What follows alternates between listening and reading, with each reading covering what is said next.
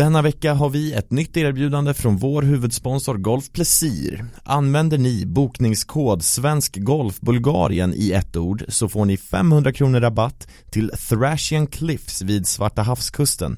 Thrashian Cliffs är ett av de hetaste golfrestmålen just nu med tre toppbanor, två designade av Gary Player och en av Ian Woosnam.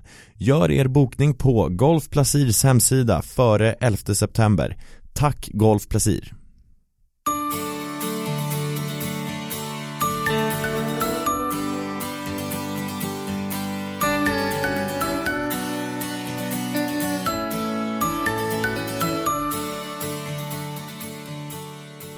Hej och välkomna till Svensk Golf Podcast. Jag heter Carl Magnus Hellsten. Med mig i studion har jag Jesper Johansson och en mycket speciell gäst i studion också Torsten Hansson, Henrik Stensons helhetscoach och mentale expert.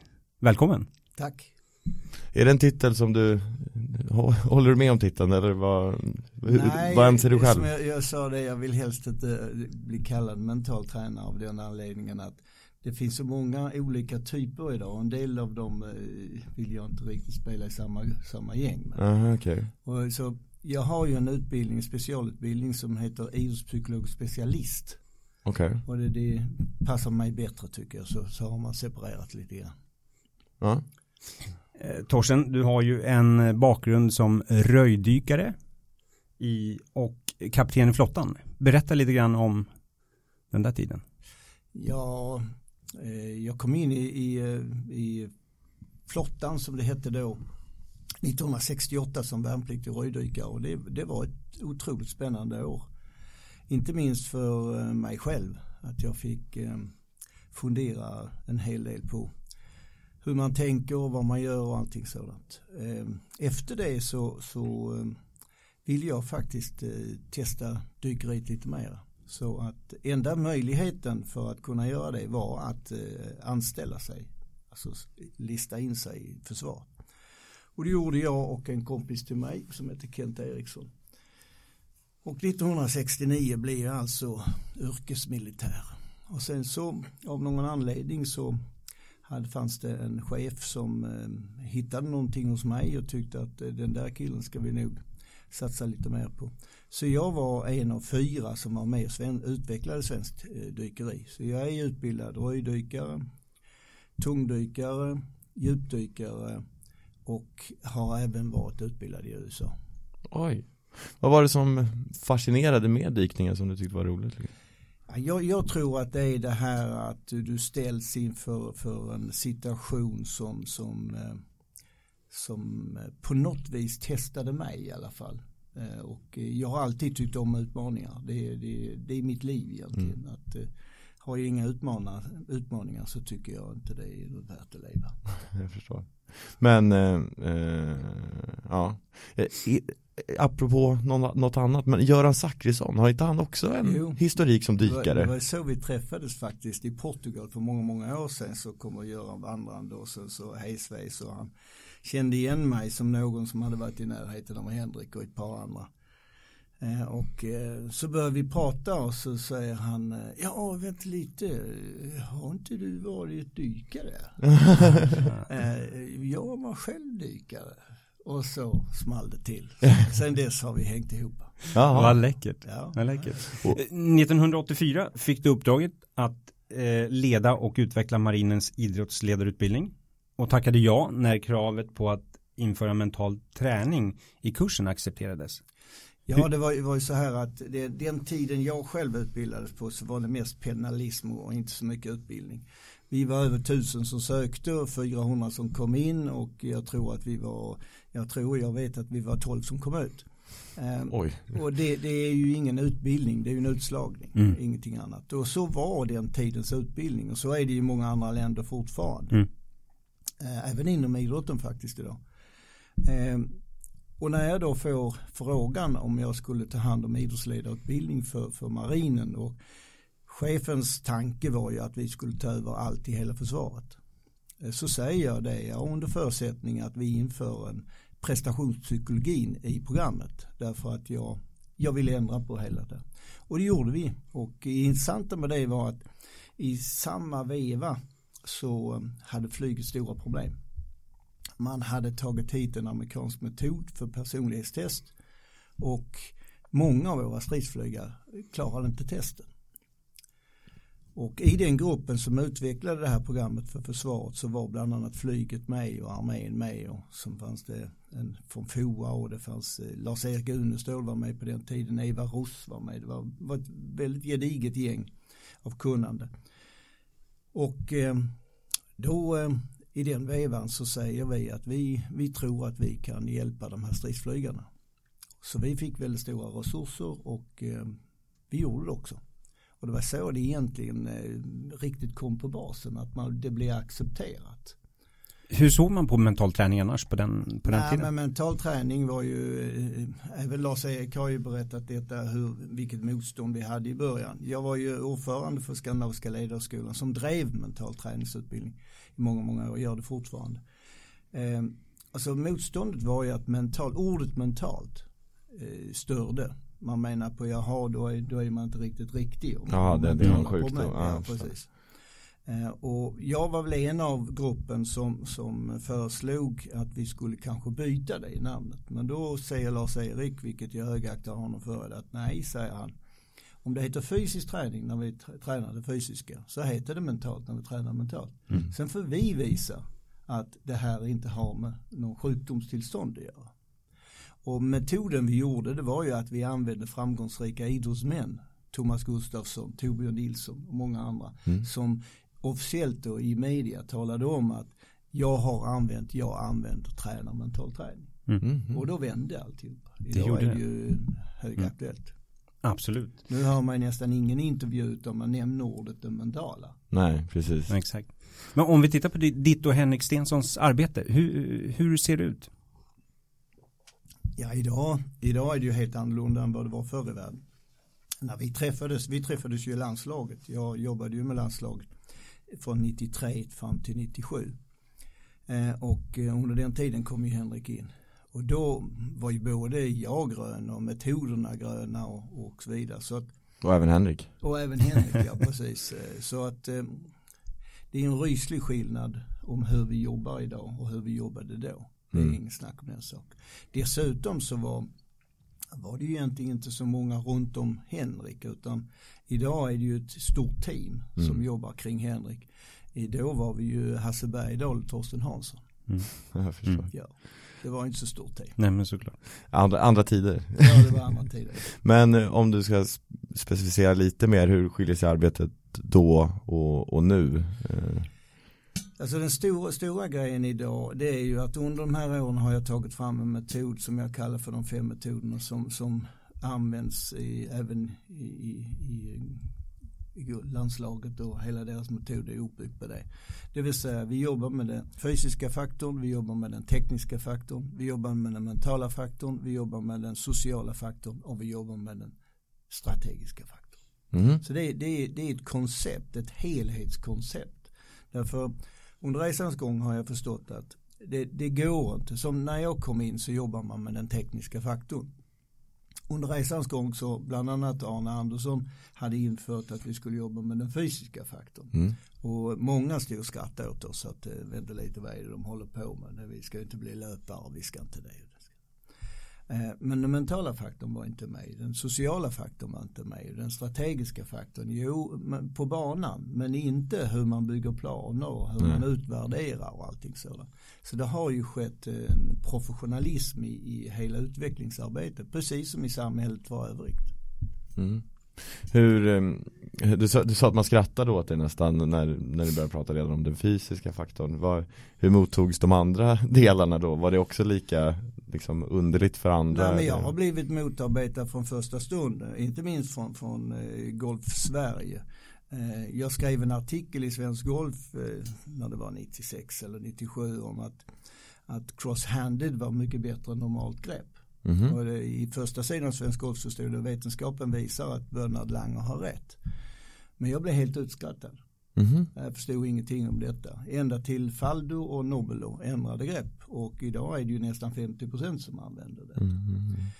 Jag blev jättepåhoppad på många olika vis när, när jag började jobba på ett pedagogiskt mera inriktat sätt när det gäller teknikutvecklingen. Och till och med ordförande för Svenska Golfförbundet, eh, eller Skånes Golfförbund, eh, försökte stoppa mig på Scandinavian Masters av att jag inte fick lov att gå på driving rangen och jobba med Mårten Nylander. Uh, på alla vis. På grund av? Uh, ja, jag var ju inte PGA-utbildad, mm -hmm. säger han då. Um, och det, jag har föreslått föreslog för PGA många, många år att vi skulle bygga ihop det mentala och det, det, det tekniska och lägga det under samma hatt. För jag tyckte att vi utvecklar golfspelare. vi kan inte skilja på de här grejerna. Eh, men eh, det var inte så stort intresse för nu de sista åren så har det blivit ett helt annat hugg i detta. Mm. När skulle du säga att det vände motarbetningarna försvann så att säga. Ja men det var inte förrän Henrik började vinna och Henrik blev stor. Det är ju tyvärr så att, att eh, man motarbetas ända fram till någonting händer där, där mm. liksom man inte kan frågasättas längre. Mm. Just det, när, när man har slut på, på anledningar att klaga. Liksom. Ja, ja. Oh, det, skrevs ju, det skrevs ju artiklar i tidningen och det var ju intervjuer i, i de olika medierna kring hur idiotiskt dum Henrik var som lyssnade till en sådan som mig av att ändra tekniken. Därför han hade ju vunnit på Benson and Hedges. Mm. Anledningen till att vi ändrade då, det var ju att han hade fått tre års sanctions. Mm. mm. Och jag sa, nu har vi ju tid att göra det. Ska vi göra en förändring, ska vi göra det nu? Mm. Och vi var alla överens om det, men eh, i ett förändringsarbete så är det ju också så att som jag brukar säga, om, om jag, jag står på punkten A och den vet jag om vad jag gör men jag är inte nöjd. Mm. Och så vill jag till punkten B. Det är någonting som jag inte, jag vet vad jag vill men jag, jag vet inte hur jag ska komma dit. Mm. Och sen så börjar jag rota i, i utvecklingsprogrammet. Ja då hamnar jag någonstans mitt emellan. Jag hamnar inte på A och inte på B. Eh, och det är ju den stora utmaningen som, som de flesta, de flesta gör ju som så att när de får dåligt spel som man, man oftast får då, dåliga, dåliga resultat, så går man tillbaka till det gamla. Mm. Man, man, nej, nej, nej, det gick inte, det funkar inte och allting sånt. Och omgivningen är ju jättesnabba på att tala om att det här inte funkar. Vi hade en plan och vi jobbade vidare och som tur var så vände ju detta. Eh, och eh, då vände ju också kritiken. Mm. Men, jag, men jag tänker att det, eh, det måste vara väldigt lätt att vad ska man säga, inte våga gå till punkt B då om man börjar svamla däremellan och inte riktigt hitta någonstans att man då faller tillbaka. Det måste ju falla sig väldigt naturligt för många ja, det, elitidrottare. Det är ju därför att man inte riktigt tror på, på, på eh, sin egen förmåga eller sin egen eh, förmåga till utveckling ja, eller på, på den metod som, ja. som man har valt. Ja. Det, det, är ju det det handlar om. Det handlar ju, egentligen är det så, det är ju enkelt i den mentala världen därför att det du tror på det skapar din attityd eller dina förväntningar. Dina förväntningar skapar din attityd. Din attityd skapar ditt beteende. Ditt beteende leder till resultaten. Så det är ju alltid tron som styr saker och mm. ting. Mm. Och oavsett vad man gör så om man inte tror på någonting så kommer det inte bli någonting av det. Och det är då det flöjtar hitan och ditan för det finns ju massor med människor runt omkring dig som tror. Mm. Ja, jag förstår. Vad intressant. Ja. Om vi backar bandet då till 1994 eh, och ditt första möte med Henrik Stensson. Vad såg du i honom då? jag har alltid beundrat individer som, som är villiga att göra någonting extra. Mm -hmm. Och jag, jag har från min militära erfarenhet så kastar jag alltid ut test. Jag sa till Henrik, eh, ska du bli riktigt, riktigt duktig så måste du förbättra din fysiska förmåga. Eh, Jaha, hur ska jag göra det? Jo, sa jag, eftersom det är skillnad på löpkondition och gångkondition. Och du behöver inte springa för det är ingen som gör det på golfbanan. Men vi måste bygga upp din kondition. Så jag vill att du går en och en halv mil med en ryggsäck full med 15 kilo sand varje dag i kuperad terräng. Gjorde han det? Och det gjorde han. Wow. Mm. Och det var för mig ingen fysisk träning. Det var en test. Mm. Att testa. Hur mycket vill han det? Hur mycket vill han detta? Ja. Är han beredd att göra skitjobbet? Mm. Mm. Därför alla jag har jobbat med, idag jobbar jag ju med racerförare, med tennisspelare, med golfspelare och med många, många andra. Och det enda jag letar efter det är om de är beredda att göra skitjobbet.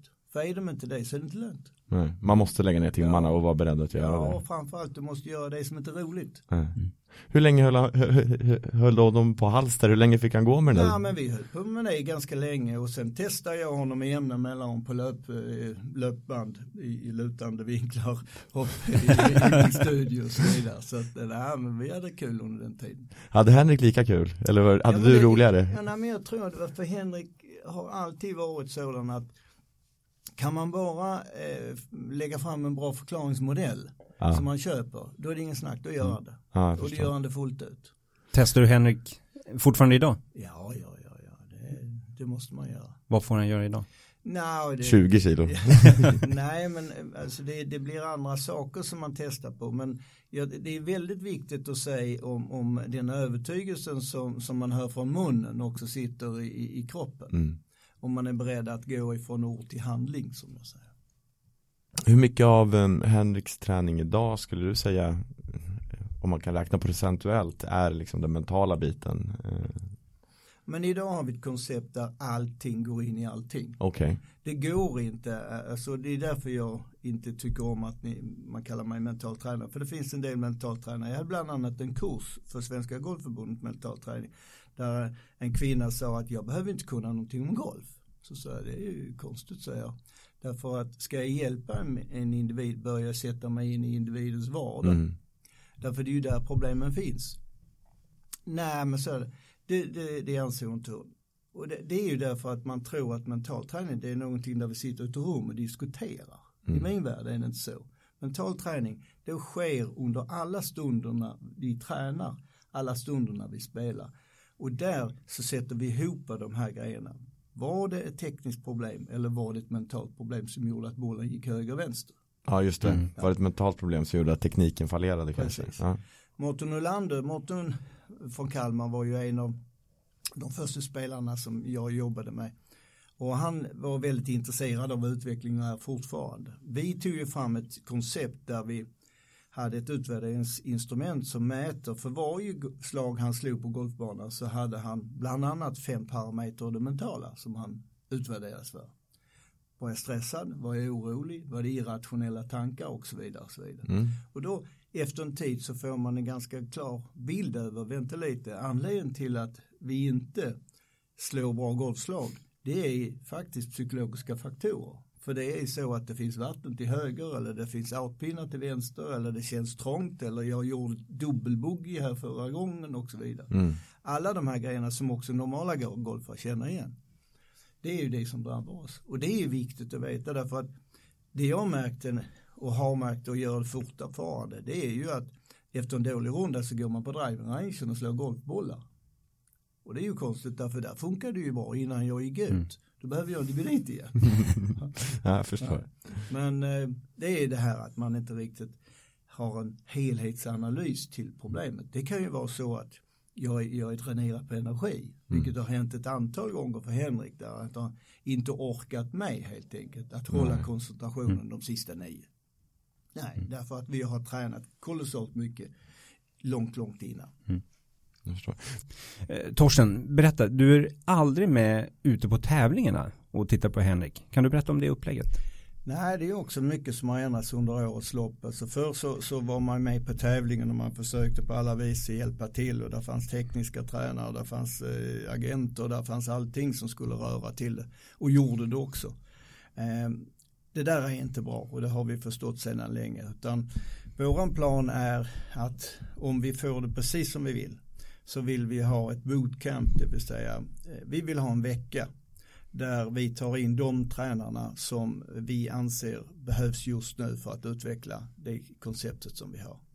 Och då lägger vi ner väldigt hårt arbete. Efter den veckan så när man jobbar mycket tekniskt så blir man väldigt analytisk, man blir väldigt kontrollerande. Och hjärnan är ett, ett eh, system som gör det den alltid gjorde innan.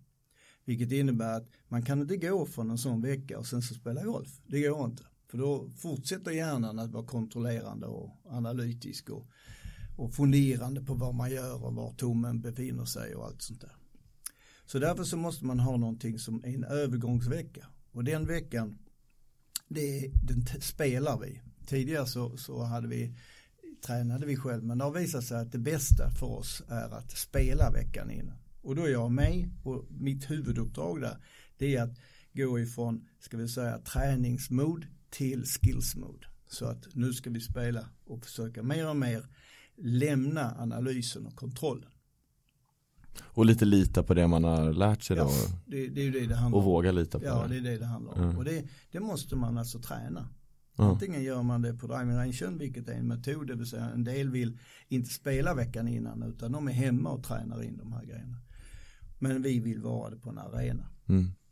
Och veckan efter så, så, så tävlar vi. Och jag anser med en dåres envishet att när man tävlar ska man vara så förberedd att där ska inte finnas folk. Därför det, det, vi glömmer hjärnans språk. Hjärnan pratar med bilder och symboler. Den pratar inte med ord. Så den pratar inte med mig när jag tänker ord. Man pratar med mig om symbolhandlingar. Det vill säga, vad är det jag gör? Om jag med i min handling då tar dit folk, vad är det jag säger till hjärnan? Jag säger, jag litar inte på det jag har. Mm -hmm. Om jag däremot säger, jag vill inte ha er här, då säger jag till hjärnan, nu får du ta över. Och nu är det du som bestämmer.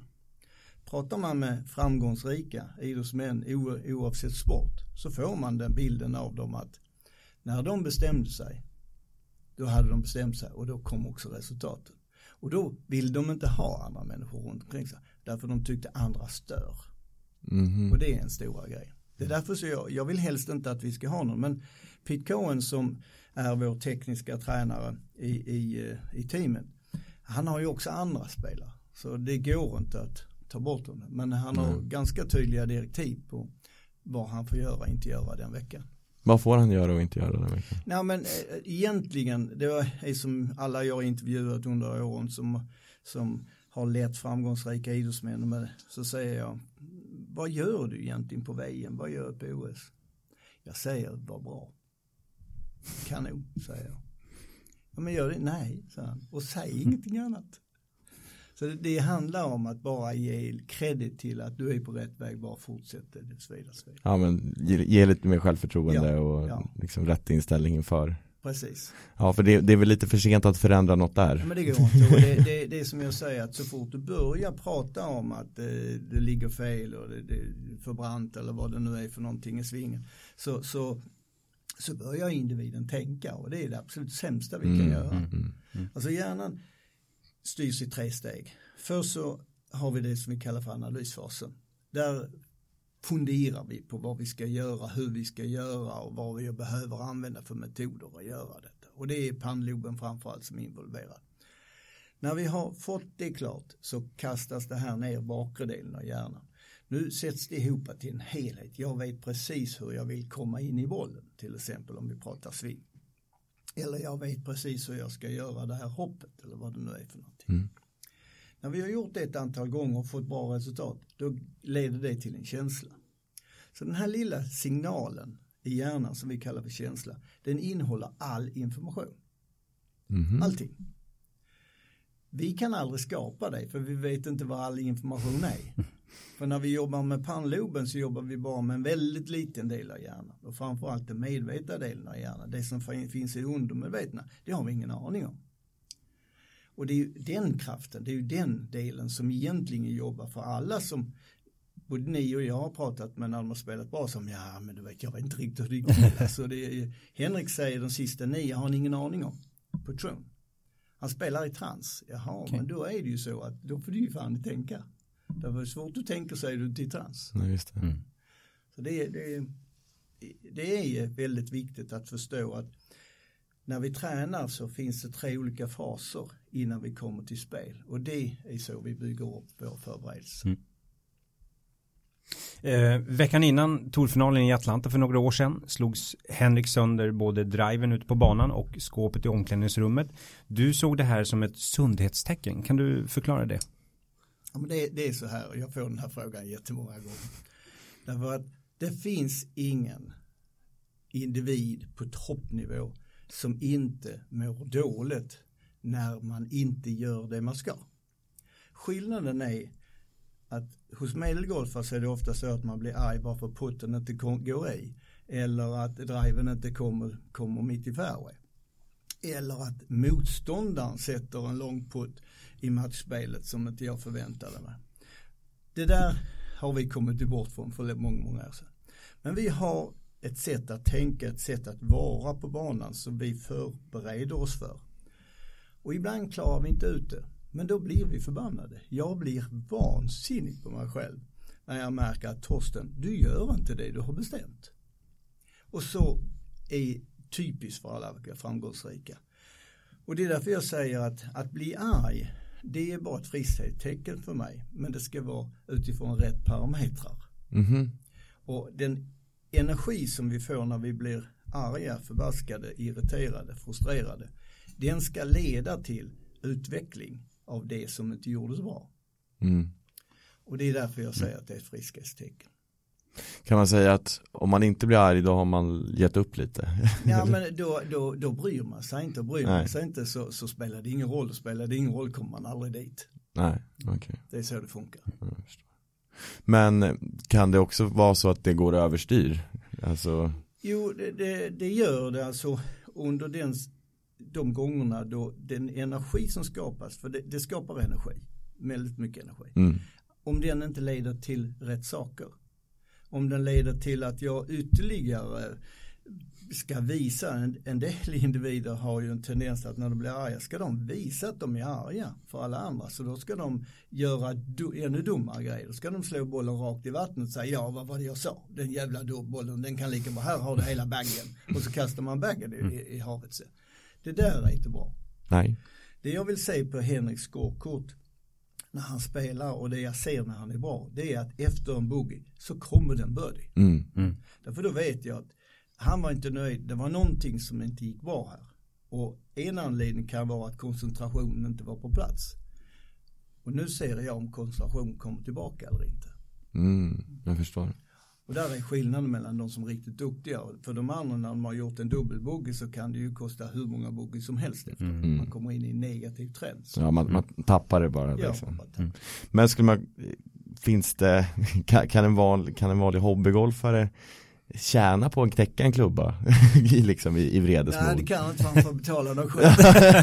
Eh, det, så det tror jag inte han får. Men nej, alltså det bästa är ju självklart att det inte går till sådana så att man går på döda ting. Nej. Eh, det, det, självklart är inte det bra.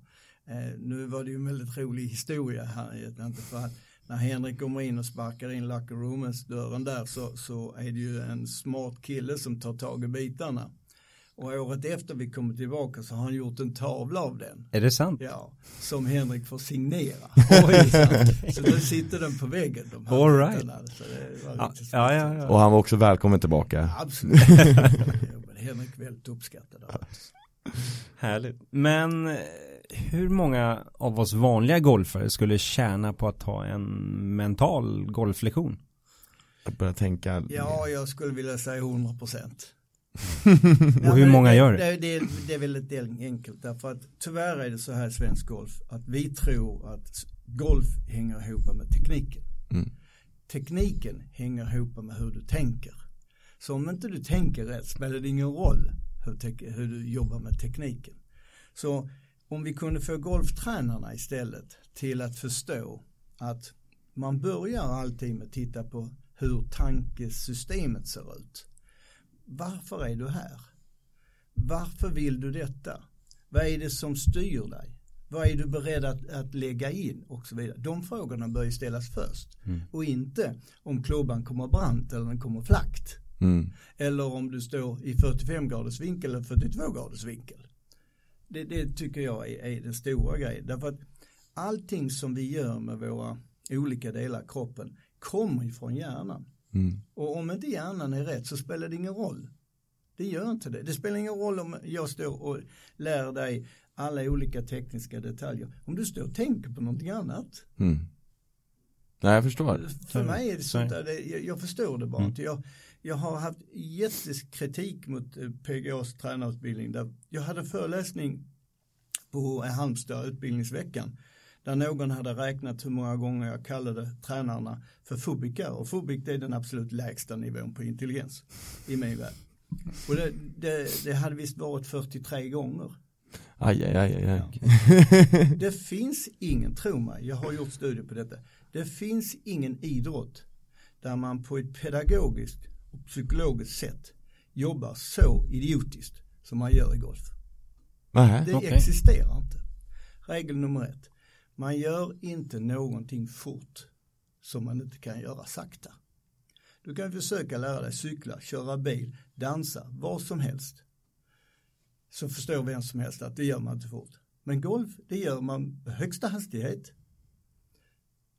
Vilket innebär att jag inte kan lära mig någonting. För när det går fort kan inte hjärnan ta till sig eh, instruktion. Och ändå så gör vi det. Varje gång slår vi bollen med högsta hastighet, högsta hastighet. Och så, ja det kom lite utifrån. Ja, det fick inte hjärnan den informationen. Han sa det, men jag har det inte. Så det innebär att jag lär mig inte på det sättet. Du menar att man ska liksom sakta ner tempot, göra det långsammare och så att man känner vad man gör? Vi kan ta simhoppare. Ja. Om jag hade fått uppdraget att träna dig simhoppning på samma vis som man tränar golfspelare idag. Det hade varit en svår lektion för dig kan jag Ja, med. Men då hade du kommit till mig så hade jag ställt första frågan. Vad vill du med din simhoppning? Så säger du, jag vill bli världsmästare. Ja, säger jag. Eh, från vilken nivå? 3, 5 eller 10? Så säger du, nej från 10. Bra så. Då går du upp där uppe, ställer dig med ryggen mot vattnet på stortån. Du får vila den lite grann på långtån och de andra också. Och sen så gungar du lite grann och sen så hoppar du upp och sen in mot själva plankan så slår du tre volter i pikerad stil med två skruv. Och så gör du det och tre veckor efter när du vaknat på lasarettet så säger du var lite fel i upphoppet.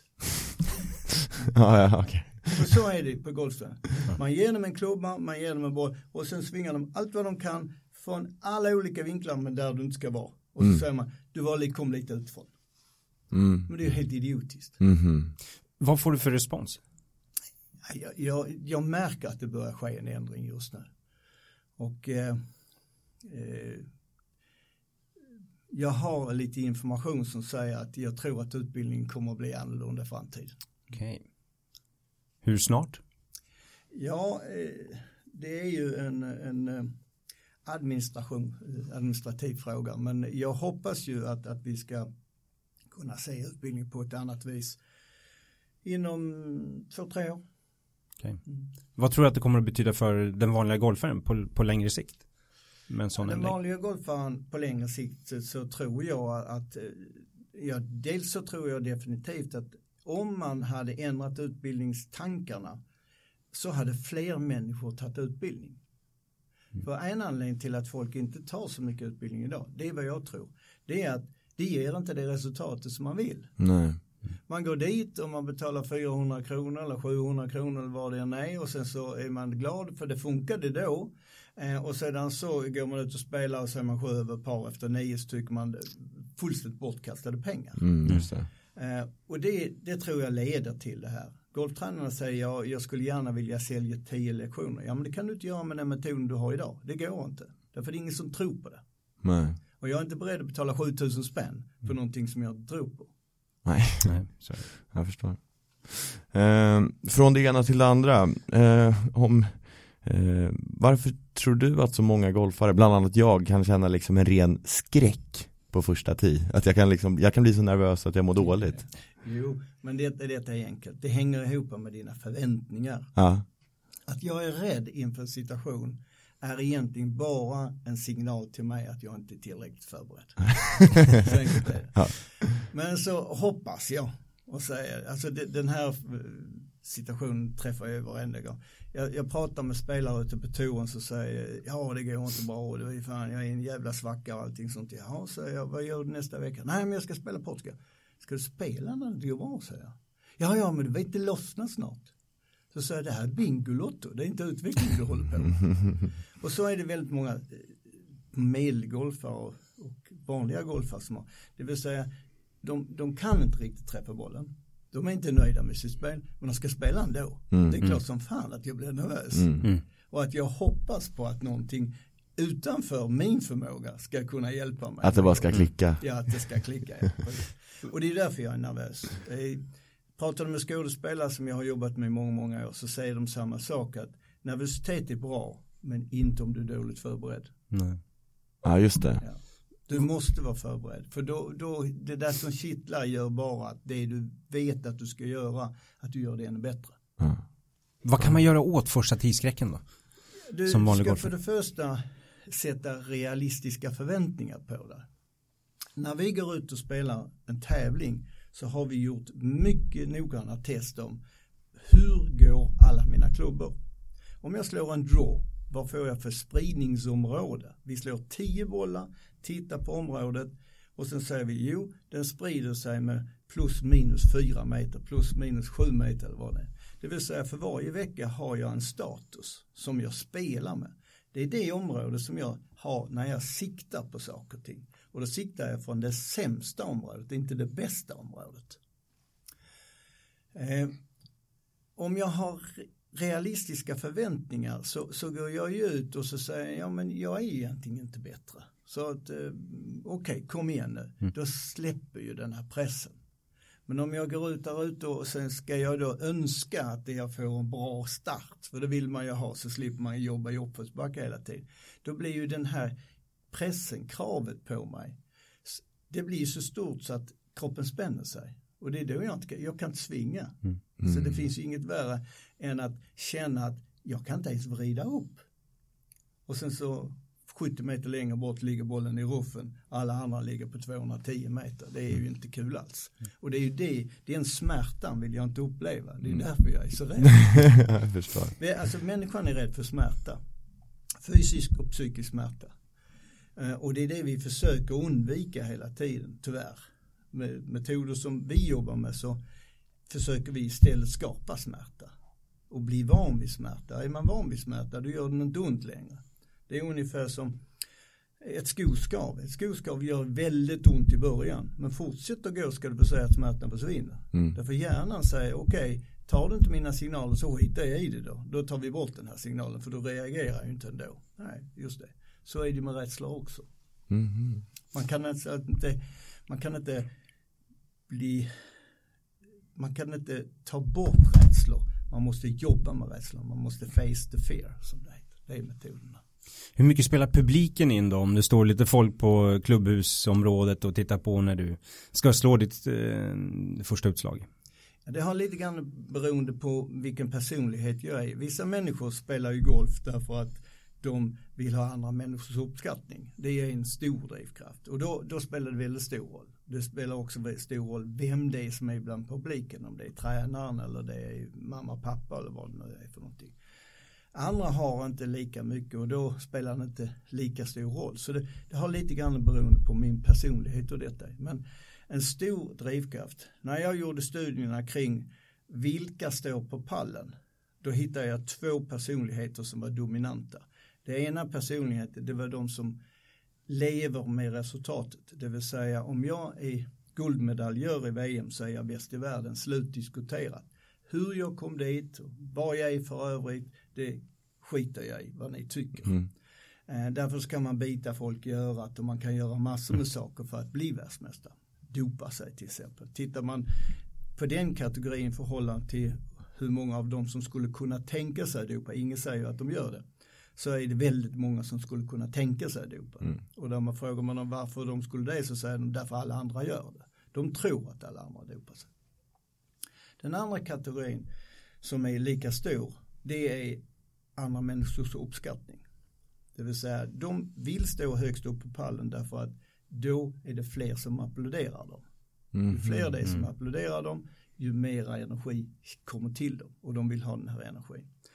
De har inte samma tendens till att vilja dopa sig eller så, därför att gör de det, då krackelerar individerna. Mm. Typ Ludmilla Engqvist till exempel som, som av någon anledning som inte jag känner till eh, tog doping, men det som visade sig det var att när det sen blev officiellt då tog det henne så hårt att hon var beredd att ta sitt eget liv.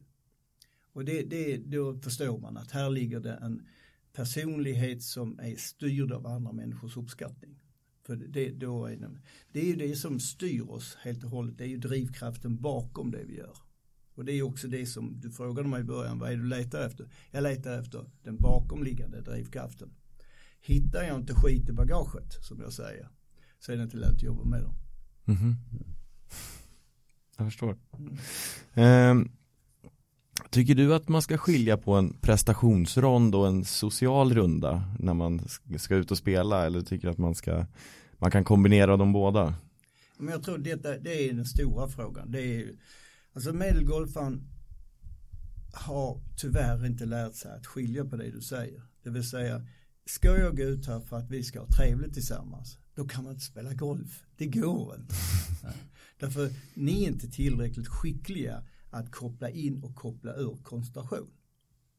Och som jag säger, för många, jag får ofta den frågan, ja men är det inte bra att jag pratar med mina spelare? Jo det är jättefint, under förutsättning att inte samtalet kommer in på någonting som kopplar in dina känslor för sen är du såld. Mm.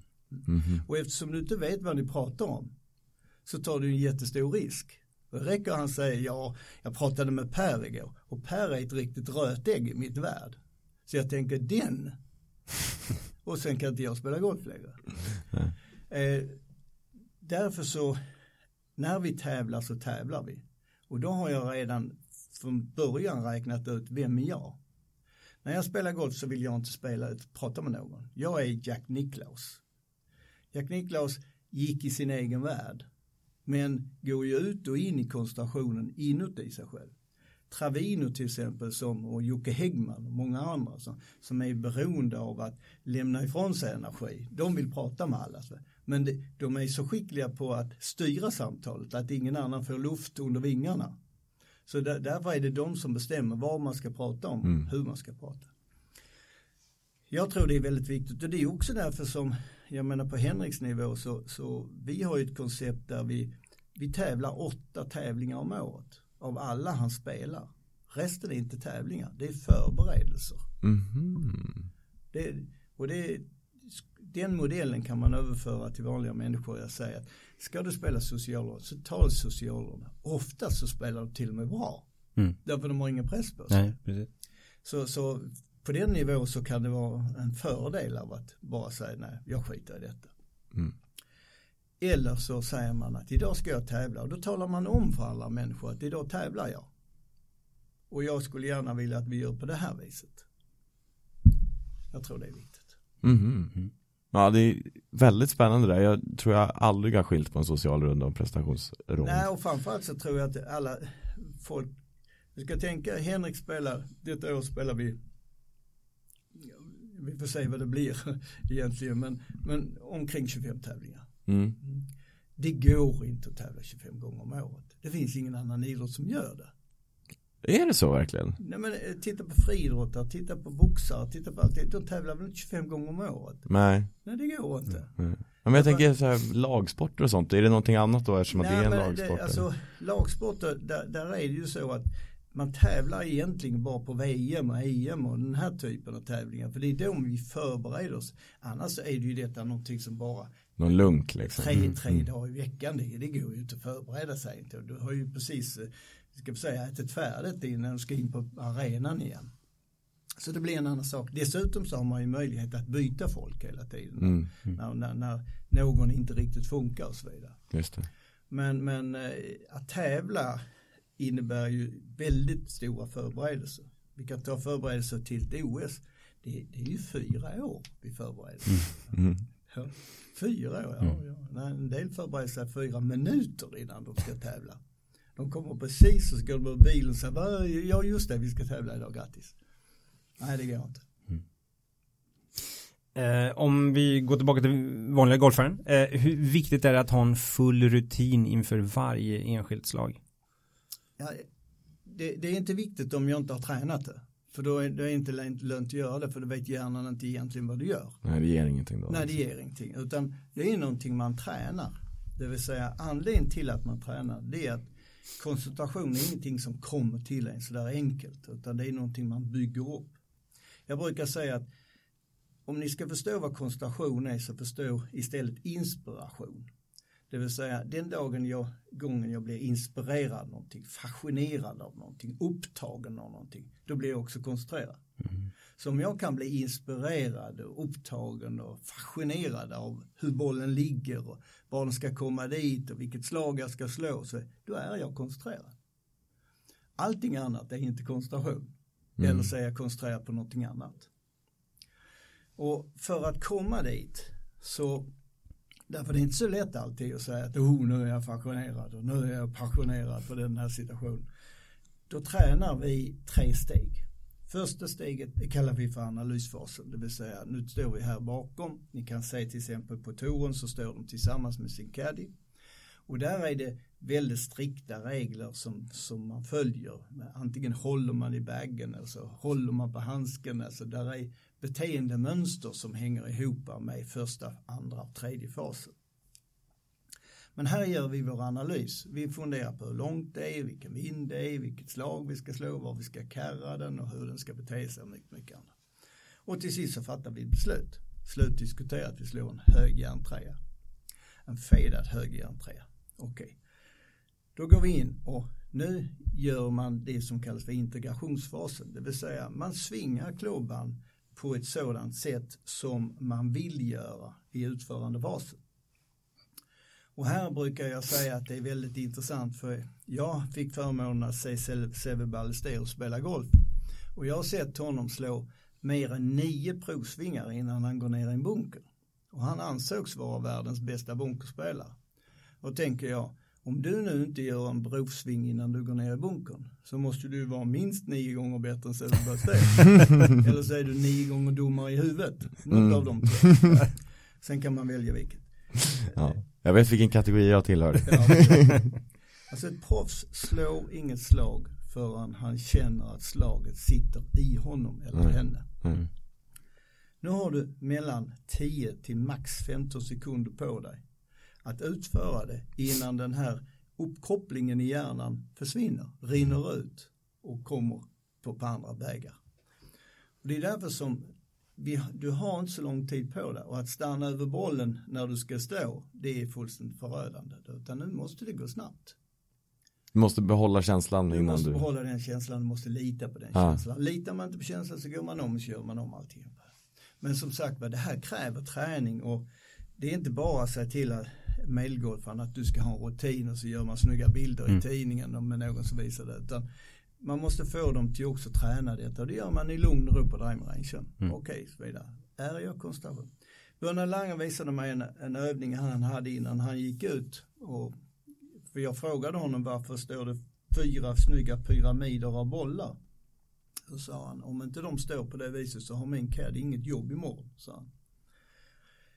Den första fyra bollarna så slår han och då kräver han att en ska vara med full koncentration.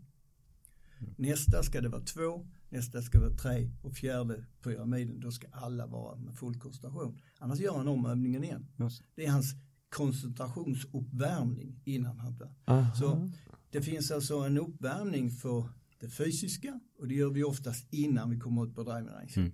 Det tekniska och det mentala. Ah, så mm. att vi vet att vi är rätt när vi kommer. Du frågar dem varför är jag så nervös på tee, första tee. Du är inte förberedd. Nej. men, men, skulle en vanlig golfare kunna eh, anamma Bernhard Langers absolut. idé? Ja, absolut. Ja. Ett bra, bra tips. Ja, det verkligen, verkligen. och jag kan också ta emot tipset att komma lite innan fyra minuter till, till start. Det är, det är inte så dumt. Det. Men eh, om man har, om man tränar på en rutin, kan en medelgolfare tjäna någonting på det? Eller skulle man tjäna mer egentligen på att liksom, ja, träna? Alltså rent ja, tekniskt eller slagmässigt, sån träning?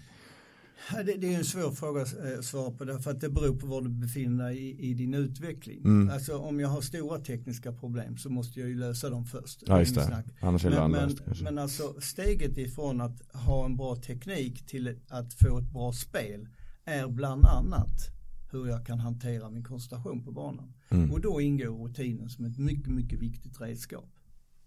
Okej. Okay. Tycker du att man ska stänga av mobilen eh, när man går ut på banan för att inte tappa fokus från golfen så att man inte tar upp den och liksom eh, skannar av lite nyheter och sådär mellan slagen? Jag tycker man ska stänga av mobilen vid alla tillfällen då man ska göra någonting väsentligt. bra. Ja, bra nej, tips. Men, nej, jag, jag, kan inte förstå detta. Alltså, det, det, det, nu är vi där igen. Vad är det jag säger till min hjärna? När jag kommer upp på golfbanan så har jag mobilen på. Därför jag väntar mig ett antal samtal som är viktiga. Om jag väntar mig ett antal samtal som är viktiga så är ju min hjärnas observation 30% är ju på när kommer ringsignalen? Ja, just det. Mm. Man vill inte missa den. Nej, jag vill inte missa det. Och det är självklart kan inte jag koncentrera mig till 100% på det jag ska göra. Och så blir jag sur därför att jag missar någonting därför att koncentrationen var inte där. Det kan ju vara så att någon annans telefon ringer. Ja, men jag är ju helt övertygad då att det är min eftersom det är ett viktigt samtal. Hjärnan jobbar på det viset att om jag säger att någonting är viktigt, vad det än är, eller jag är rädd för någonting, så lägger han observation på detta. Det, det räcker ju till exempel att du har hört att det har varit tjuvar i området. Eh, och de jobbar på nätterna. Jag 50% av folket i det området kan inte sova på nätterna. Mm, mm, Därför de ligger och lyssnar på alla ljud. Mm. Nu är det här vaksamhets eh, ska vi säga, delen i hjärnan påkopplad. Och den kan man inte ha när man presterar. Mm. Så i min värld så rensar man. Det var, Staffan Andersen heter han va? Som jobbade med Pierre Folke. Andersson ja. Andersson ja, precis. Han är en av, en av de tränare som inte ingår bland fobikerna. Johansson, Staffan Johansson. Staffan Johansson, ja. Han har fortfarande min absolut fulla respekt. Han sa till sina adepter att innan ni tävlar så se till att ha ett rent bord. Och med det menar han, då ska du rensa allting. Du åker till din tävling om du har relationsproblem hemma eller du har, har räkningar som inte är betalda eller du har telefonsamtal du väntar på. Allting sånt. För då har du inte där att göra. När jag åkte till USA så hade jag en deal med min fru. Och den frön är att om du ringer mig så vill jag inte höra någonting negativt. Om inte det är så allvarligt att jag måste avbryta allting jag gör och åka hem. Därför jag kan inte koncentrera mig på de sakerna jag gör. Om jag vet att du har det tråkigt eller du har, någonting har hänt som, som är allvarligt. Jag tror det är jäkligt viktigt att när man ska prestera på hög nivå så måste man förstå att det är full koncentration. Och full koncentration är inte om jag har vaksamhetssystemet inkopplat på annat. Mm. Så det går att spara slag genom att bara stänga av mobiltelefonen? Massor. Härligt. Mm. Eh, kan man vara rädd för ett vattenhinder? Ja, du kan vara rädd för hur mycket som helst egentligen, men du ska veta att det är inte medfött. Nej. det är inlärt och därför ska man lära bort det. Okay. Du är inte rädd för vattenhinder, du är rädd för att göra bort dig. Ah. Du är rädd för, för den smärta det är av att tappa slag och i och med att du tappar slag så faller du i den hierarki som den här flocken som vi befinner oss i däggdjurshjärnan. För människohjärnan skiter i detta. Men däggdjurshjärnan, han är jätteintresserad av var du befinner dig i rangordningen i flocken. Ja. Så nu är du redan så stressad så att du kan inte tänka sunt förnuftet. Utan du är i däggdjurshjärnan. Och då har sådana saker jättestor betydelse. Det är därför mobbing är så allvarligt egentligen. Därför att det är ingen människa som blir dödad. Det är ett djur. Om du tar ett flockdjur och sätter det utanför så tror du att det kommer dö. Mm. Så det är väldigt allvarliga grejer i hjärnan. Så hur ska man tänka då när man har, står med ett vattenhinder framför sig? Ja, det är roligt därför att ibland så hjälper ju inte det medvetna. Jag hade en kurs på Ronneby Golfklubb för många år sedan. Och eh, då efter vi hade pratat så, så går vi ut och spelar. Jag spelar med tre damer. Vi kommer till fjärde hålet på Ronneby Golfklubb och då står man uppe på en backe och slår över ett vatten och så säger jag in. Och så ser jag att hon byter boll när hon går. Så säger jag, jaha, säger jag, hur tänker vi här? Ja, ja, ja, sa hon, jag förstår precis vad, vad, vad du menar. Men jag ser slaget och, och eh, hur det går in där inne och sånt och, och ja, vattnet då säger jag, nej, nej, det, det finns inte det. Så, nej, så, varför bytte du boll? Så tittar hon i handen och jag ser på hennes blick att hon är lika förvånad som jag att hon har bytt boll. Det här har skett omedvetet. Den bollen hon spelade med, det var säkert den bollen hon lägger bollrännan. Det är en riktigt fin boll som talar om att hon tillhör en social högklass. Eh, så det är väl med fint märke. Så mm. Den vill hon inte bli av med, då måste hon lägga bollrännan nästa gång. Undermedvetet så sker detta. Så rädslorna finns så djupt lagrade i våra hjärnor. Det är liksom något inlärt ja. eller? Ja. Men det finns ett sätt som vi använder eh, där ute som medelgolfarna också kan göra. Det är nämligen så eh, om man har följt Robert Karlsson så såg så ni att han använde den här metoden också många, många år. Det vill säga om du står på 10 och säger okej okay, jag ska slå den här till den där punkten där ute så tar du ett märke där borta och så tittar du på det märket och sen drar du den linje en meter framför bollen. Där har du, när vi tränar detta så sätter vi en peg där framme. För det tränar vi på driving Race. Nu behöver du inte fundera på någonting annat mer. Därför att om du kan få bollen till start över den peggen så kommer den i närheten av det du ville. Eh, beroende på vilken skruv du har i bollen. Så vad du gör nu det är att du går in i din lilla bubbla och spelar därifrån. Det vill säga nu tittar du inte upp mer. Nej. Utan du har tagit en linje, du har bestämt vilket slag du ska slå och allt du behöver göra det är vrida dig och slå bollen över den här punkten. Då kommer inte de här rädslorna heller. Så vi skärmar av det som finns där ute därför att problemet är att varje gång jag tittar upp så ser jag ju vattnet istället för färgen. och blir lite lite mer rädd varje gång. Lite lite mer rädd. Så det gäller att ta bort det. Mm -hmm. Och det, det, är en väldigt bra metod jag sa nu. Hur ofta har du sådana här kurser som du hade på Ronneby golfklubb? Ja, det, det, är lite, det är inte så många numera för att eh, jag har mycket annat i mitt liv men, men förr hade jag ganska många sådana kurser. Mm. Tror att det handlar om koncentration när jag på, par, på ett par femhål, jag ligger bra i fairway och så ska jag försöka nå green på två slag och så är det lite kö och sen måste jag liksom vänta och sen, ja det är ju i princip varje gång då så misslyckas jag ju med, med det där slaget som jag annars klarar när det liksom, jag inte behöver vänta och sådär.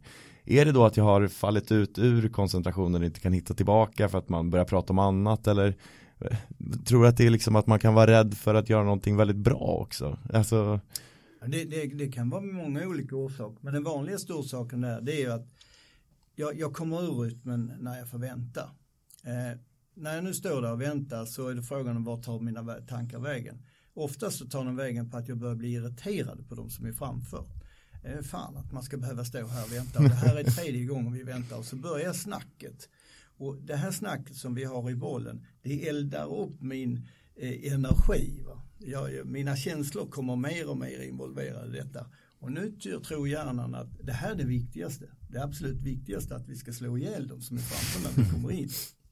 Så, så nu börjar han fundera på, på vilken metod ska vi använda. Nu tappar jag helt golfspelet. Mm. Och eftersom jag inte är skicklig, för jag har inte tränat det, att koppla in och koppla ur. Ja, exakt. Så, så det finns ingenting i hjärnan nu som spelar golf längre. Och även om jag tar min klubba och försöker göra någonting så, så hjärnan är inte där. Nej. Och det är det som är faran. Det är alltså att, att lämna det här spelet utan kontroll.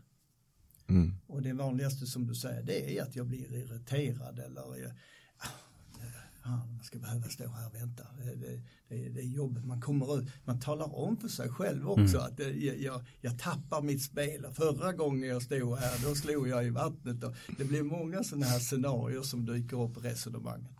Mm, jag förstår. Men eh, eh, hur tycker man ska göra då? Finns det något enkelt knep för att liksom hitta tillbaka till koncentrationen? Kan man? Nej men man ska lära sig koppla in och koppla, alltså golfspelet som jag skrev i min bok det är det svåraste spelet av alla. Ur den anledningen att tiden då vi inte spelar är mycket, mycket, mycket större än den när vi spelar. Ah. Så nu har hjärnan massor med tid att tänka på andra saker än golf. Och om jag nu inte är skicklig på att koppla bort det och in i golfen så kommer jag inte kunna spela bra golf. Och det är därför som man måste lära sig att om detta händer, vad, vad gör jag för någonting? Ja, sätta ner, fundera på vad som helst. Men engagera dig inte i detta för du kan inte påverka det. Nej, just det. För om du engagerar dig så kommer dina känslor in. Känslor in, de slår bort allting annat i mm. hjärnan. Så det är precis det som är lösningen till det. Det är att nej men låt oss då prata om semestern i Italien eller mm. vad som helst. Någonting som är kul, mm. någonting som är skönt, som ger, ger härliga känslor i kroppen. Så kan jag ta de känslorna med mig in i slaget nästa gång jag slår. Istället för att jag står och pratar om massor med annat. Mm. Det är snårigt tycker ja, jag. Ja, men det, det är jättesnårigt. Och det, det, det är ju detta som är, ni frågar mig vad har hänt sen, sen 94 när vi startade Henrik och jag. Det vi, vi har ju så kolossalt mycket kunskap idag. Om, om varför saker och ting sker och hur vi ska göra allting sådant som vi inte hade då. Mm. Så vi kan ju analysera situationen på ett helt annat vis och vi kan alltså bygga med modeller för hur vi ska förberedas på ett annat vis än vad vi kunde då. Jag förstår. hur kommer det sig att så många spelar sin allra sämsta golf just när gruppen framför ger klartecken på att man får spela igenom? Ja, men det är två saker som, som händer här. Det ena som vi har pratat om innan, det vill säga nu är det ju folk som tittar på mig. Eh, jag har pressat dem att släppa igenom mig och då förväntar de sig att det här ska gå snabbt. Vilket innebär att nu får jag inte slå snett, eller hur?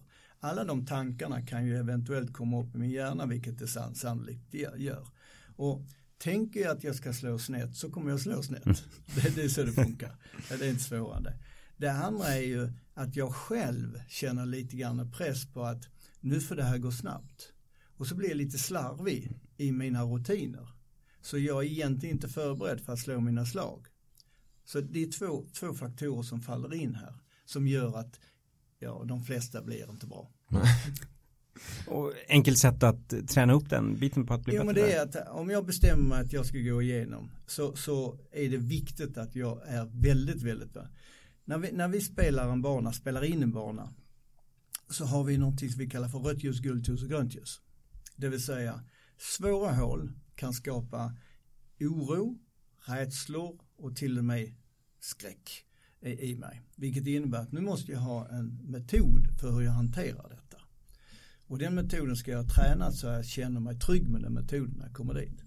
Gult ljus är ingen fara för de är inte tillräckligt svåra för att skapa rädslor. De är inte tillräckligt, tillräckligt lätta för att skapa nonchalans. Så de kan vi låta det. Gröna, de skapar nonchalans. Det vill säga, nu tror jag att allting är så lätt. Mm -hmm. Så att nu är inte jag tillräckligt noggrann i mina förberedelser.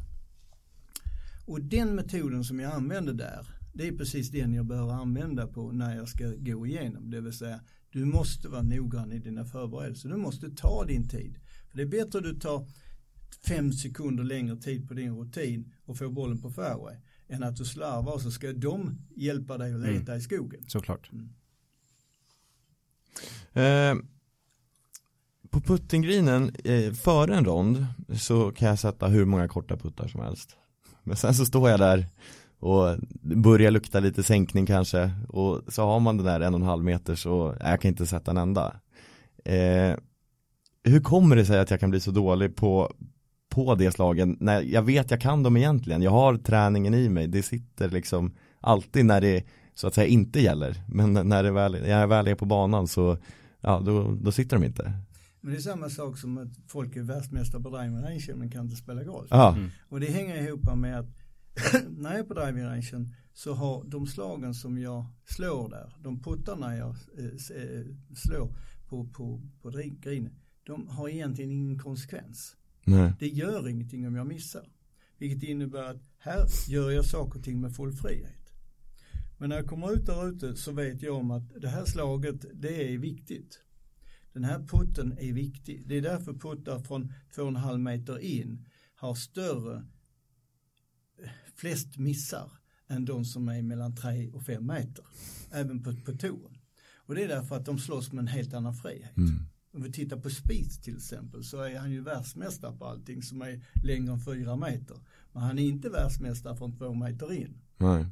Och det är därför att där spänner det sig lite grann för honom. Därför här förväntar han sig att han ska sätta det. Och då sätter han press på sig själv. När vi, vi jobbar med den mentala biten så jobbar vi med att förstå skillnaden mellan resultattänk och processtänk. Resultattänk det har vi i ett inledande skede. Det vill säga jag frågar dig, vad vill du med din golf? Så säger du, ja men jag skulle vilja då sätter vi ett resultat. Därför om vi, ett resultat är ju no, någonting som ska vara mätbart. Så om vi inte har någonting som är mätbart så vet vi inte om vi kommer dit. Så därför så är resultatet viktigt. Till exempel vi har haft som mål eh, under många år att komma topp fem i världen. Ja, men då har vi en, ett resultat. Vi kan alltså mäta, har vi nått den kapaciteten att vi är topp fem i världen? Vi har haft som mål att vinna en major.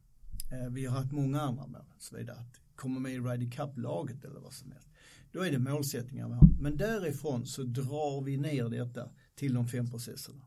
Då frågar vi oss, om jag ska kunna ge mig en rejäl chans till detta. Därför 20% i golfspelet är eh, grejer som du själv inte styr över. Det är det jag kallar för slumpfaktor.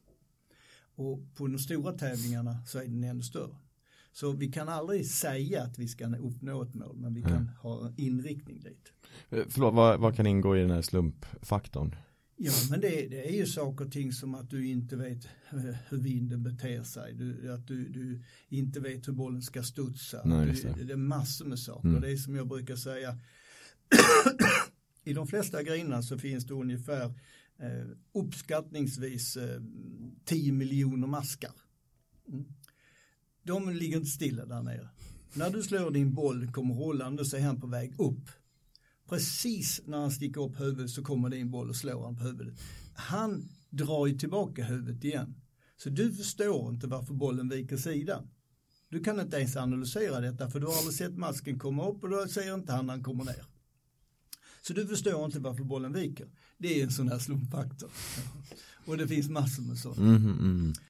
Eh, när vi, vi går alltså från, från ett resultattänk till ett processtänk.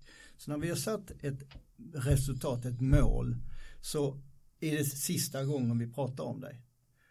Nu går vi in och så säger vi okej, okay, vad är det i de fem processerna vi behöver utveckla för att komma dit? Mm. Vad behöver vi göra fysiskt, vad behöver vi göra det? Om du kan ha det tänkandet när du är där ute, det vill säga vad är det jag ska göra för att få den här rörelsen i en sådan position att det ger mig störst chans. Och inte fundera på om det är en birdie-putt eller en par-putt eller en boogie-putt eller vad det är för. Då är du fri i ditt tänkande. Mm. Och det är det som är så svårt. Därför att resultatet är någonting som hela tiden hänger över oss. Ni har ju precis som jag har hört, jag pratade med Johan Karlsson som är en av de spelarna jag jobbar med, som säger att det var intressant därför att jag hade bestämt mig att jag skulle inte bry mig ett dugg om leadingbordet. Och jag har faktiskt för första gången i hela mitt liv så han, spelat 18 hål utan att ha en aning om hur någon annan spelar. För det är målet att spela sin egen golf. Mm. Och sedan när man kommer in så jämför man den med andra. Men inte under tiden jag är där ute. Nej, Nej. jag förstår. Och det är det här med, med att resultatet har så stor betydelse. Mm. Och då är vi tillbaka igen med vad är det för personlighet som ligger i det? Är det så att jag tror att om jag gör dåliga resultat så är jag en dålig människa? Eller är det så att jag tror att om jag gör dåliga resultat så är det ingen annan människa som tycker om mig? Då blir det tuffa saker. Mm. Mm. Eh, apropå det här med att inte titta på leaderboarden för ett proffs, om vi tittar för oss vanliga golfare. Jag spelar strålande golf, har en rejäl sänkning inom räckhåll med ett par hål kvar. Och då klappar, klappar allt ihop fullständigt. Vad beror det på? Ja, men det här är det psykologiska fenomenet som det, den absolut bästa exemplet det är ju när Björn Borg spelar Wimbledon-finalen mot. Rascal Tanner som just då var världens bästa servare, han hade servat så Björn Borg själv säger jag såg inte ens bollen. Mm. Han. han leder med 2-0 i set, 4-1 i game, om jag minns rätt, med egen serv. Och tappar hela mästerskapet. Björn Borg vinner med 3-2. Vad är det som händer? Jo, nu lämnar han tänkandet på golf, eller tennisbanan. Precis som väldigt många lämnar tänkandet som har lett till den här framgången. Därför att nu börjar det dyka upp andra saker. Tänk om jag ska sänka mig. Tänk om det. Oh, om jag kunde göra åtta birdies för det har Kalle gjort och nu ska mm. han få och så vidare. Och nu, nu, nu är inte hjärnan på plats. Det är så det funkar. Det gäller att ha hjärnan på samma plats som där kroppen är och som utmaningen finns och inte någon annanstans. Jag har många gånger ställt frågan till folk, var befinner du dig? När kroppen befinner sig på golfbanan men hjärnan befinner sig i någon annanstans. Var är du då egentligen? Det vill säga, är det hjärnans tankar som styr ditt liv eller är det kroppen, den fysiska kroppen som styr ditt liv? Ja, det är ju hjärnans tankar för annars hade drömmen inte haft någon betydelse. Men det har det. Därför vi drömmer och då tror vi att vi är där. Men det är vi inte för vi är i sängen. Eller? Så om vi inte kan hålla ordning på hjärnans tankar så spelar det ingen roll. Nej. Kroppen är inte där. Mm. Man eh, hör ibland proffs säga att, som, som ligger bra till men så tappar de kanske på söndagen att jag vågade inte vinna. Är det lite samma sak att man inte vågar vinna som att man inte vågar sänka sig eller är det ett svepskäl för att man tappar koncentrationen eller? Ja men det, det är intressant för vi har ju haft massor med sådana exempel. Vi hade ju Annika Sörensam som inte vågade vinna därför hon var rädd att hålla tal. Mm. Eh, jag har haft en spelare som inte ville vinna därför han var, tyckte det var väldigt obehagligt att få mycket pengar. Eh, det finns massor med sådana här bakomliggande värderingar som ligger djupt i individer som gör ibland att de inte kan nå hela vägen fram. Och att, att vinna har konsekvenser. Det är som jag säger, att det finns ingenting som bara är, bara är positivt och det finns ingenting som bara är negativt. Nej. Alla som jobbar med mig tycker jag är jobbig för när det gått bra så är det första jag säger, vad är det för skit med det här? Säger. Och så får de en lugn ro fundera på vad det är som kan vara negativt med detta. För ibland så tror vi inte att det är negativt och sen så slår det oss i ansiktet när det kommer. Och likadant när det är något negativt så säger jag vad är det för positivt med det här? Därför egentligen är det så att för varje gång som vi dyker ner i någon grop så om vi tar oss upp så kommer vi en bit mer. Det, det är så hela livets egentligen utveckling ser ut. Alla vet det i fysiska, det vill säga om du tränar hårt och bryter ner organismerna så kommer det en så kallad superkompensation och så får du större, du förvalkar händerna, du får större muskler och allting sånt. Jaha, men det fungerar mentalt också. Men tyvärr är det ju så att de flesta försöker undvika belastningar mentalt. Men då kan du inte bli starkare mentalt. Det är omöjligt. Det är det som skiljer den militära modellen och den civila modellen som jag säger. Därför i militären har vi förstått sedan tusen år tillbaka att ska vi göra starka individer måste vi mer eller mindre bryta ner dem först. Mm. Det är så det funkar. Missa inte Golf Placirs erbjudande till Thrashian Cliffs i Bulgarien. Ni får 500 kronor i rabatt om ni använder bokningskoden Svensk Golf Bulgarien före 11 september. Vill ni ha mer information om Thrashian Cliffs och andra golfbanor i Bulgarien så ska ni lyssna på Golfresepodden, avsnittet om golf i Bulgarien. Tack Golf Placir. Många golfare har ett speciellt hathål, något där man aldrig kan lyckas göra någonting bra. Eh, hur övervinner man det hålet? Hur, hur, hur, hur, lyckas man göra någonting bra på det hål som man aldrig, aldrig lämnar med poäng eller med en, ett resultat som är, man är nöjd med? Ja, men det, det är ju samma sak som jag sa, vi, vi har ju, när vi spelar in en bana så finns det hål som, som vi sätter rött ljus på. Ah. Det här hålet är antingen svårt eller så är det ett hål där vi har gjort dåligt resultat eller vad som helst. Och där krävs en speciell plan för dig. Det vanligaste rådet jag brukar ge det är att ändra spelplanen för hålet. Är det så att jag har slått ut med drivern här så ta en järnfemma och slut med istället. Gå därifrån med en bra boogie istället för en trippel eller en mm. dubbel, mm. vad det nu är för någonting. Eh, och börja att jobba med detta hålet så att det kommer in positiva känslor. För det är ju det som behövs. För att kunna ändra någonting. Jag brukar säga så här att anledningen till att, att du har någonting som du tycker illa om. Det är att ditt konto, inre konto, är i obalans. Se det som ett bankkonto. Det har hänt ett antal saker på denna sidan som har belastat den negativa sidan av kontot. Du måste nu hjälpa till att belasta det, det positiva. Nackdelen är att hjärnan har, har en metod sedan urminnes tider tillbaka, det vill säga att någonting som är negativt har fyra gånger starkare inverkan på mitt minne än saker och ting som är positivt. Mm -hmm. Det är därför vi har utvecklats. Vi har lärt av våra misstag som vi säger. Så det innebär ju att om någonting negativt händer mig så måste jag göra det positivt fyra gånger för att bara komma i balans. Mm. Kjell Enhagen jobbar ju, kommer ni ihåg kanske med damlandslaget för många år sedan, där han såg att de kunde stå och slå jättemånga golfslag men så fort det kommer en dålig så var det ett jävla liv om detta. Och det var uttryck och det var mycket, mycket annat. Eh, han fick dem ju till att till och med spänna kroppen och göra positiva saker när det hände för att kompensera detta. Och det är det som är så viktigt, det vill säga ska vi vända en trend från en negativ situation till en positiv så måste vi bygga positiv energi i systemet. Mm.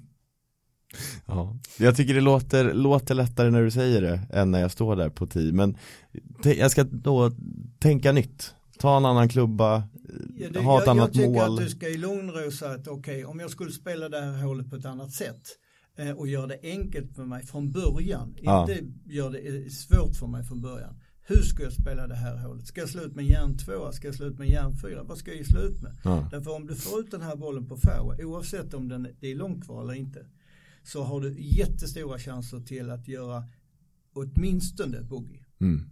Och sannolikt så med en bra putt så gör du. Mm. mm. Ja, och då vänder vi den här trenden. Och då är det ingen hathål längre.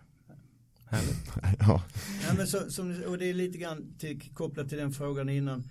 Eh, vad är mental träning? Vad är Ni ser att nu bygger vi ju en mental strategi som sedan ska vända en mental situation. Mm. mm.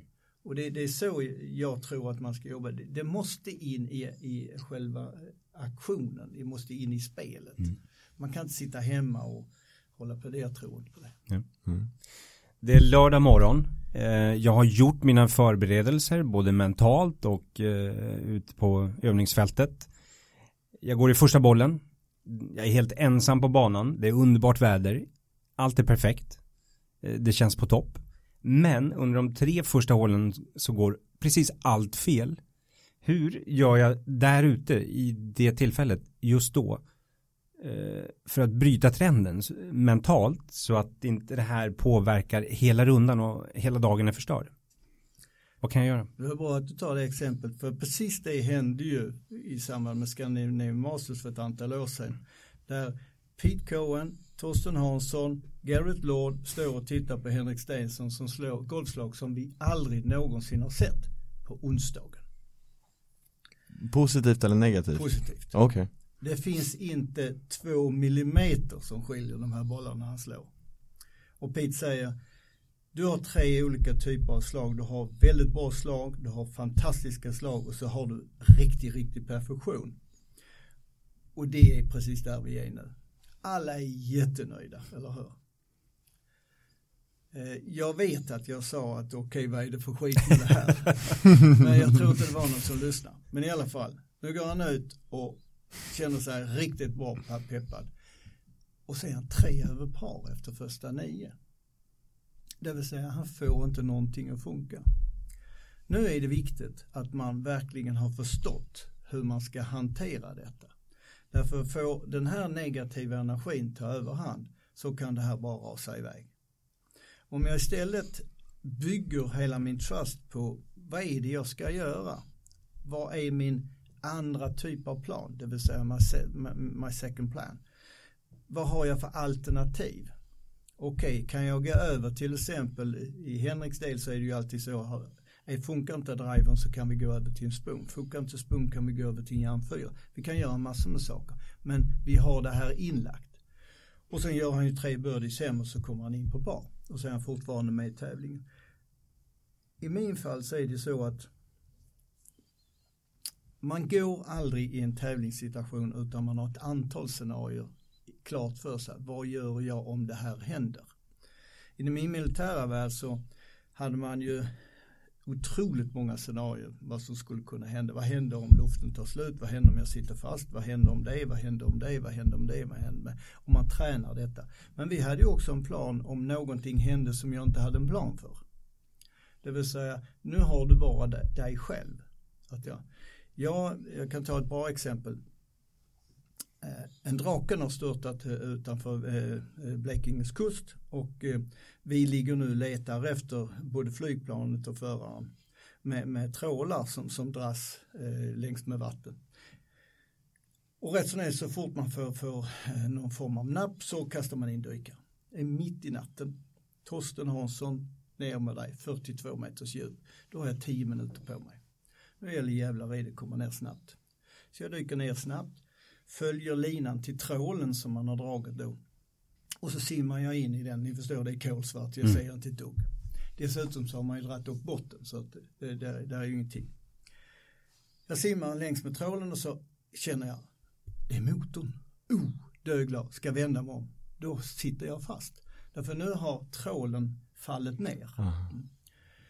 Det var på den tiden då reglatorn satt här uppe efter denna incidenten så är regulatorn flyttad ner dit. Okay. Därför jag hade ett helvete att komma loss. Men medan jag håller på här, då får jag luftstopp också. Så jag får ingen luft. Mm. Nu har vi de här situationerna. Att har du inte tränat detta i din mentala värld, gått igenom, gått igenom, gått igenom, gått igenom, så klarar du inte de här situationerna. Anledningen till att jag startade och hade så stora krav på att jobba med mentala, det är att jag har fem kompisar som är döda idag på grund av att de inte klarade sådana här situationer. Och jag själv har varit i en mängd sådana situationer men alltid kommit positivt över dem. Jag har inte ens blivit nervös i de här situationerna. Inte ens då? I det... Inte ens då. Och självklart har jag funderat, vad är det för någonting i mitt huvud som gör att jag, jag blir vassare ju värre det är. Mm. Eh, och det är självklart det man kan kalla för olika typer av talanger och vi är födda med många olika saker. Men det viktiga är ju hur man har förberett sig inför situationerna. Och så är det på golfen också. Att jag måste vara förberedd på vad händer om jag gör tre, börjar med tre birdies? Mm. Vad händer om jag börjar med tre boogies? Vad händer om det inte händer någonting? Ja. Och jag förväntar mig att det ska hända någonting. Klarar jag detta mm. eller klarar jag inte det? Hur gick det på? Det gick bra, annars hade jag inte Men alltså, jag har ett ord som jag, jag präntar in i huvudet på folk som heter tålamod. Mm. Och jag skriver det med två faser med ett bildstreck. Tåla, du måste tåla mm. skit. Tål du inte skit så ge dig inte in i den här businessen överhuvudtaget. Och det andra är, du måste ha modet att fullfölja det du har bestämt. Mm. Fullt ut. Och sen utvärderar du det efteråt. De flesta som inte klarar detta, det är precis de som, de har en plan, men de följer den bara i tio minuter. Mm. Sen har de en ny plan och en ny plan och den kom de på just då, mm. under spelets gång. Och det är inget bra läge. Så bästa tipset då för medelgolfaren som får den här mardrömsstarten på eh, lördagsronden eller söndagsronden? Ja men ha detta klart för dig. Vad är, vad är det för någonting? Alltså det, som jag säger, det finns så många olika saker som kan göra att saker och ting inte går rätt. Mm. Du skiftar ungefär uppskattningsvis ja, bara hjärnan så är det 100 miljoner celler per dygn. Det är alltså ett kilo celler byter plats medan du sover. Du är inte samma människa imorgon som du är idag. Varför skulle jag förvänta mig att spela samma golf idag som jag gjorde igår? Nej, det kan man inte göra. Det vill säga, jag går ut utan att ställa krav på mig, utan bara en förväntning av att jag gör så gott jag kan och jag tar det jag, det jag får. Om jag kan spela golf på detta viset så spelar jag frigolf. Om jag inte har den här klart, klart för mig att livet är så nyckfullt av många olika vis. Det finns så mycket som vi inte förstår av det som händer i det dagliga livet. Och tyvärr är det så att folk inte riktigt har förstått detta. Men, men att bli, få den ödmjukheten att, att inte ställa krav på sig att nu ska jag gå ut för jag är i form och nu ska jag göra det och nu ska jag göra det. Och ska, utan man går ut och gör sitt bästa. Det handlar bara om det hela tiden. Mm. Jättebra. Ja. Eh, Tack Torsten för att du ville komma och berätta allt det här. Otroligt jag, spännande. Verkligen. Och jag vet att jag i fortsättningen ska stänga av min mobiltelefon när jag går ut på banan. och jag ska, jag ska försöka inspireras och inte koncentreras när jag, när jag ska slå ett slag och är ur, ur fokus. Så till liksom jag ska tänka, oh, hur ligger jag nu och vad ska jag göra, vad är mitt mål istället för att försöka, nej men koncentrera dig nu för då kommer jag inte hitta tillbaka till det tror jag. Bra, vi hoppas att ni som lyssnar också har snappat upp en hel del. Absolut. Eh, återigen, Torsten, stort tack för att du kom. Tack, vad kul att vara här. Tack för att ni har lyssnat på återhörande. Ha det bra. Hej då.